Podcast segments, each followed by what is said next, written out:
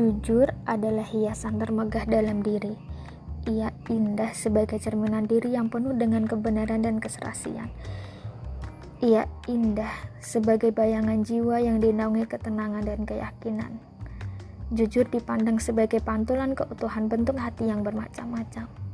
Ketika jujur sudah jadi rantai yang mengakar di hati, maka dapat dipastikan rona hatinya bersih tanpa ada noda dan celah. Namun bila tali kejujuran terlepas dalam hati, maka sudah pasti nuansa hatinya hanyalah dusta dan durja. Kejujuran adalah kunci kemuliaan. Ia merupakan juru selamat dalam menempuh terjalannya jalan menuju akhirat. Berat untuk berkata jujur jika kita masih dikurung dalam sangkar nafsu dan syahwat.